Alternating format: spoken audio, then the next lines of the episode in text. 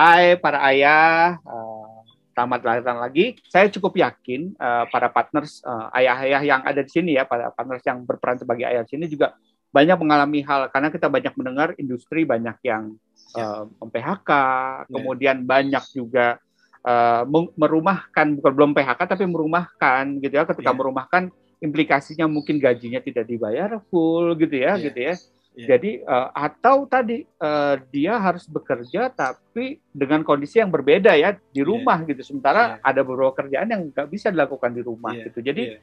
perubahan-perubahan ini pastinya banyak dialami para ayah-ayah gitu ya. Yeah. Belum yeah. lagi ketika di rumah, ah, mungkin saya ini nih Mas Ari boleh cerita nih ya ketika awal pandemi di rumah itu gimana sih Mas gitu ya? Ah, ini ada ada ada menarik ini.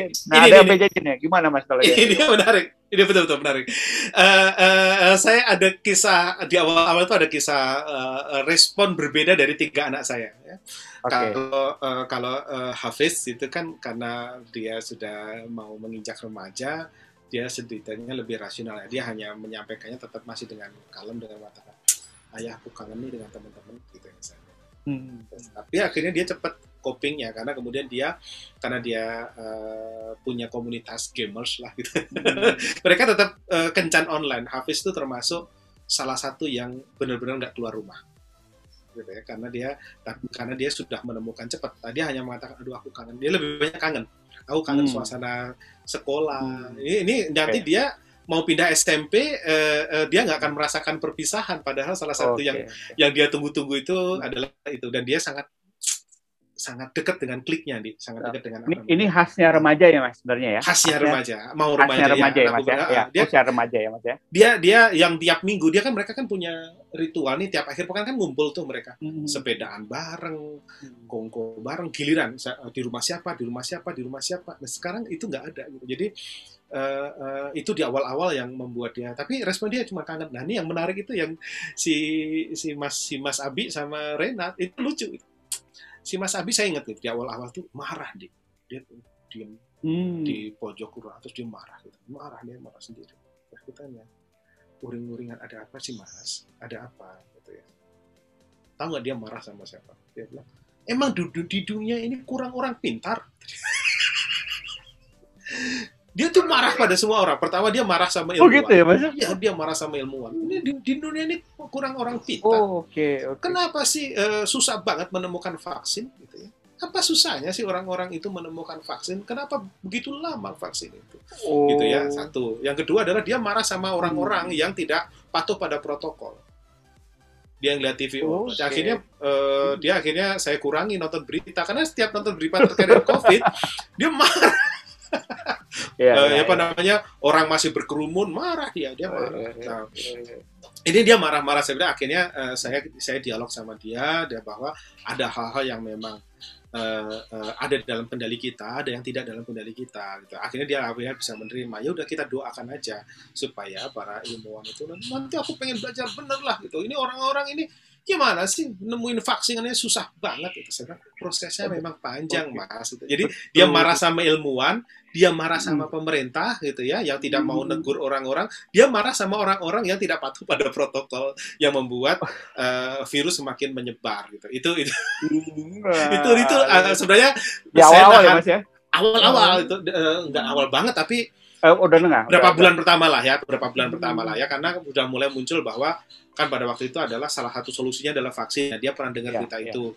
Kan di awal-awal itu kan terkait dengan uh, kepatuhan terhadap protokol kan. Iya, betul. Dan kemudian berita ternyata kan dia dia nerima bahwa berita semakin naik, semakin naik, semakin naik. Di sisi lain dia melihat orang tetap aja uh, tidak patuh pada protokol. Nah, dia marah itu. Nah, lucunya ini si, si Renat nih.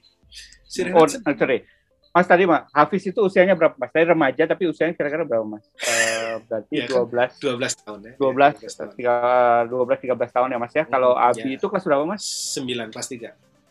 Kelas tiga, oke. Okay. Yang paling kecil Renat ini kelas empat setengah, empat setengah, tahun. Nah, nah lagi bagi ayah-ayah nih, ini ada cerita-cerita dari anak dari uh, tadi uh, dari anak uh, balita gitu ya, kemudian anak-anak uh, dan kemudian mau masuk remaja nih kisahnya menarik laki-laki semua nih. Bagi nanti ayah-ayah nah. yang punya laki-laki mungkin bisa bisa bisa dengerin nih gimana nanti uniknya ya gitu ya terjadi oleh uh, satu sisi kadang-kadang iya satu sisi kadang-kadang lucu ya di, tapi ya, ya coba coba menghayati ya. Nah si Renat itu sedih di Oh, Tapi oke. lucu, sedih, sedih. Saya bilang, ada apa sih nak? Terus kemudian dia meluk aku, sedih gitu ya. Sampai ngeluarin air mata, di.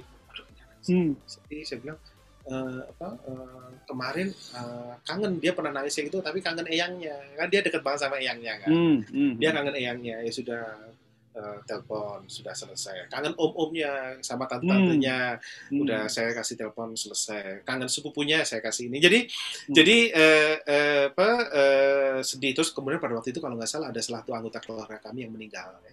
Hmm.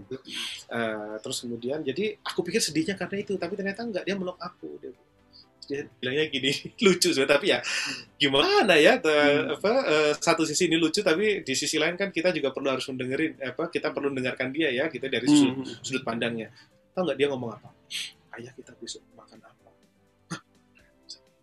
Gitu.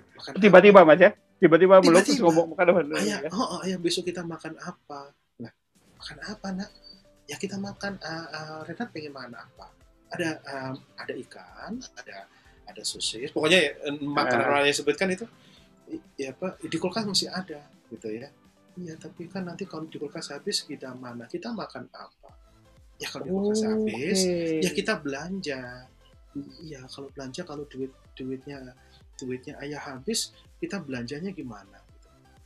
ya ya ya ya pakai uang nah, tapi kan ayah nggak bekerja Hmm. jadi dia teh ngelihat ayahnya di rumah terus kan Oke. biasanya kan ayahnya keluar rumah Nah, jadi logikanya gini ketika ayahnya nggak keluar rumah itu ayahnya nggak bekerja ya persepsinya beliau ya, pandangannya. Iya, Nah, ah. gitu. ketika ayahnya nggak bekerja kan dia tahu kan bekerja itu logika dia kan bekerja itu kan nyari uang ya, Kalau ya. ayahnya nggak bekerja, maka ayahnya nggak punya uang. Kalau Ya. ayahnya nggak punya uang, kita nggak bisa belanja. Kalau kita nggak bisa belanja, Hmm. kita nggak bisa makan. Ternyata itu Ah, yang bikin dia oke. sedih. Nah, Itu kalau itu anak balita ya Mas sudah berpikir apa sudah sudah terpikir itu ya logikanya sudah sampai ke sana Iya. dan kemudian kekhawatirannya itu timbul ya Mas ya Iya. dengan dengan lugunya dengan bahasa dengan anak tadi lugunya ya, ya. dia bilang dia dengan lugunya Oke. bahwa ayahnya nggak bekerja itu langsung lompat kita nggak bisa makan. wow. Karena jadi bagi saya- dia mungkin makan itu adalah penting sekali kesenangan ya gitu Iya, Apa, bagi bagi dia eh, eh, eh, bagi dia kebutuhan dia adalah makan kan. Eh, apa ya, makan ya, makanan ya, yang wajar. Jadi ayah nggak bekerja, nggak punya uang, nggak bisa belanja, aku nggak bisa makan gitu. Jadi akhirnya saya jelasin akhirnya, eh ini ayah kerja loh. Makanya kadang-kadang kan eh, si Rena tuh aku ajak ke ruang ruang kerjaku kan, di ini nih ayah kerja begini, ini Hmm. ayah kerja gitu. Akhirnya dia tenang setelah itu. Artinya ternyata ayahnya masih bisa menghasilkan uang dan dari sana Hmm. eh, masih bisa belanja dan dia masih bisa makan. Tapi kita perlu Ah, ternyata ada pola pikir pola pikir yang memang nggak kepikiran oleh kita itu tuh dialami Hmm. sangat kompleks eh, jadi tekanan bagi anak-anak kita yang memang perlu kita dengarkan. Nah kalau oh, anak-anak oke. ABG-mu ini gimana nih? Nah, kalau anak ABG saya sih sebenarnya gini, kalau mereka kan tadi seperti cerita Mas Hari yang pertama ya, Hafiz anak pertamanya Mas Hari kan remaja juga gitu ya.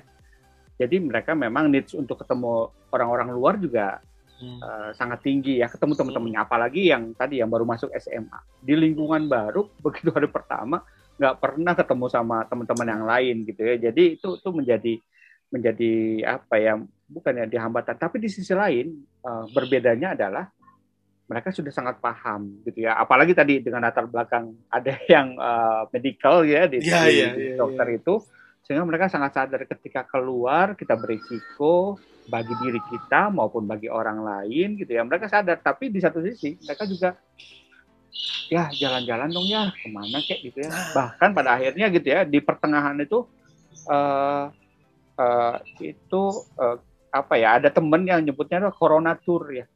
Hanya sekedar di mobil aja gitu ya Uh-uh, corona uh-uh. tour jalan muter Bandung aja gitu ya karena Seru, eh, seru, seru. hanya sekedar muter aja dan melihat-lihat keluar sana dan segala macam nah kalau anak saya terus keluar melihat sendiri kalau tadi eh, Abi mungkin tadi melihat Aidin mungkin melihat di TV ya Mas ya, Iya, Nana betul. melihat sendiri bahwa masih banyak orang di luar sana Iya. yang berperilakunya tidak sesuai dengan protokol Iya, gitu ya menurut Iya. kok kayak gitu dia segala macam gitu ya Iya. Eh, itu itu sempat muncul di di mereka gitu ya Eh, kemudian nah karena memang kebetulan sekali kebetulan sekali eh, di di sekolahnya anak-anak gitu ya mereka uh, apa ya online ya maupun melalui uh, aplikasinya itu cukup lama ya. Jadi memang tatap mukanya lumayan lama, gitu bisa dibilang uh, hampir setengah harian lah gitu ya, mungkin sekitar empat jam gitu. Gimana memang dibagi-bagi ada gitu, tapi cukup lama. Jadi memang mereka masih ketemu, masih melihat muka yang lain gitu ya, tapi memang tidak ada touch-nya gitu ya. Nah itu yang mereka kemudian kadang-kadang mereka pikir, aduh kapan ya ketemu teman-teman dan uh, apa yang harus dilakukan. Nah, ada satu hal yang menarik mas kalau menurut saya ini hmm. ini apa ya saya juga bingung terus terang sebagai seorang ayah gimana cara hmm. ngatasinnya dan cara menghadapi hmm. nanti mungkin akan kita lebih apa bahasnya nanti di segmen dua detailnya hmm. tapi kebingungan saya seperti ini mas suatu saat uh, ada teman sekelasnya ini yang uh, eh, SMA ya teman sekelas hmm. anaknya yang kebetulan satu keluarga covid hmm. ya uh, ayahnya sampai dengan meninggal bahkan gitu ya, hmm. meninggal Nah, saya bilang uh, sementara di, di kan biasa ya mas hmm. kalau situ suka ada grup orang tua ya ada grup yeah. parents ya di grup parents itu udah rame ayo kita hmm. uh, ngucapin bela sungkawa yeah. kemudian mensupport karena kan hmm. Kalau dari luar yang bisa kita lakukan support jarak jauh ya mas karena nggak mungkin kita hadir Betul. ke sana yeah, gitu ya yeah, kalaupun yeah. kita mau support secara langsung kirimin barang ya itu pun ditaruh di luar ya yeah, gitu nggak sampai yeah. masuk ketemu di dalam yeah. ya kayak gitu uh, kebutuhan sehari-hari lah kita kalau gitu supportnya Nah, uh, ketika itu saya tanya, kamu udah uh, ini belum sama teman-teman yang lain, bukan hmm. hanya dia aja. Kamu sama teman-teman hmm. lain dong. Uh, ini nggak kasih semangat dong ke si hmm. A gitu ya. Hmm. Uh, kemudian uh, dia bilang, wah nggak kenal tuh. Jadi memang ya karena baru ketemu memang kan? apa nggak nggak nggak merasa ya. dekat ya. Iya iya iya iya. Ya, ya kamu kan baru ketemu gitu, nggak merasa dekat hmm. dan dan ya tadi salah satunya kalau saya lihat di ketika di online ini uh, mereka kan nggak ada kesempatan untuk grouping ya grouping yeah. langsung dan ngomong cukup lama ya yeah, gitu ya kalaupun ada grouping ah grouping oh betul kalaupun grouping itu kan switchnya nggak banyak ya mas ya yeah. switchnya ya itu itu aja gitu jadi itu yang dirasakan saya sampai berpikir aduh gimana ya? saya sampai berpikir anak saya menjadi tidak berempati gini ya kan hmm. itu salah satu skill untuk empati ya mas yeah. ya kepada yeah. orang gitu siapa lah kak gitu saya saya bilang coba hmm. siapa aja kak gitu hmm. bilang uh, perut ini dan segala macam gitu kan Duh, uh, dia ragu gitu ya mungkin pada akhirnya dia melakukan gitu hmm. cuman tapi awalnya dia ragu gitu dengan hmm. Karena nggak dia tadi kedekatan tuh untuk remaja itu mungkin uh, apa ya penting juga untuk mengekspres gitu ya, uh, ya, ya apa ya. yang dia harus harus sampai eh, untuk menyampaikan apa yang dia harus ya. ekspresikan kepada ya, kepada ya, kebayang canggung gitu, ya, gitu ya gitu. karena belum canggung kenal kan jadinya ya. gitu ya gitu hmm. belum kenal gitu dan segala macam. Nah itu itu jadi menarik tentang proses ini. Nah hmm. mungkin Mas kita akan bahas lagi nanti di segmen dua ya Mas ya. Okay. tadi uh, apa yang mungkin Mas Hari atau saya alami gitu ya sebagai seorang ayah peran apa yang dirasakan paling berubah. Nanti uh, buat uh, partners para ayah gitu ya, partners para ayah di sini kita akan kembali lagi nanti di segmen 2.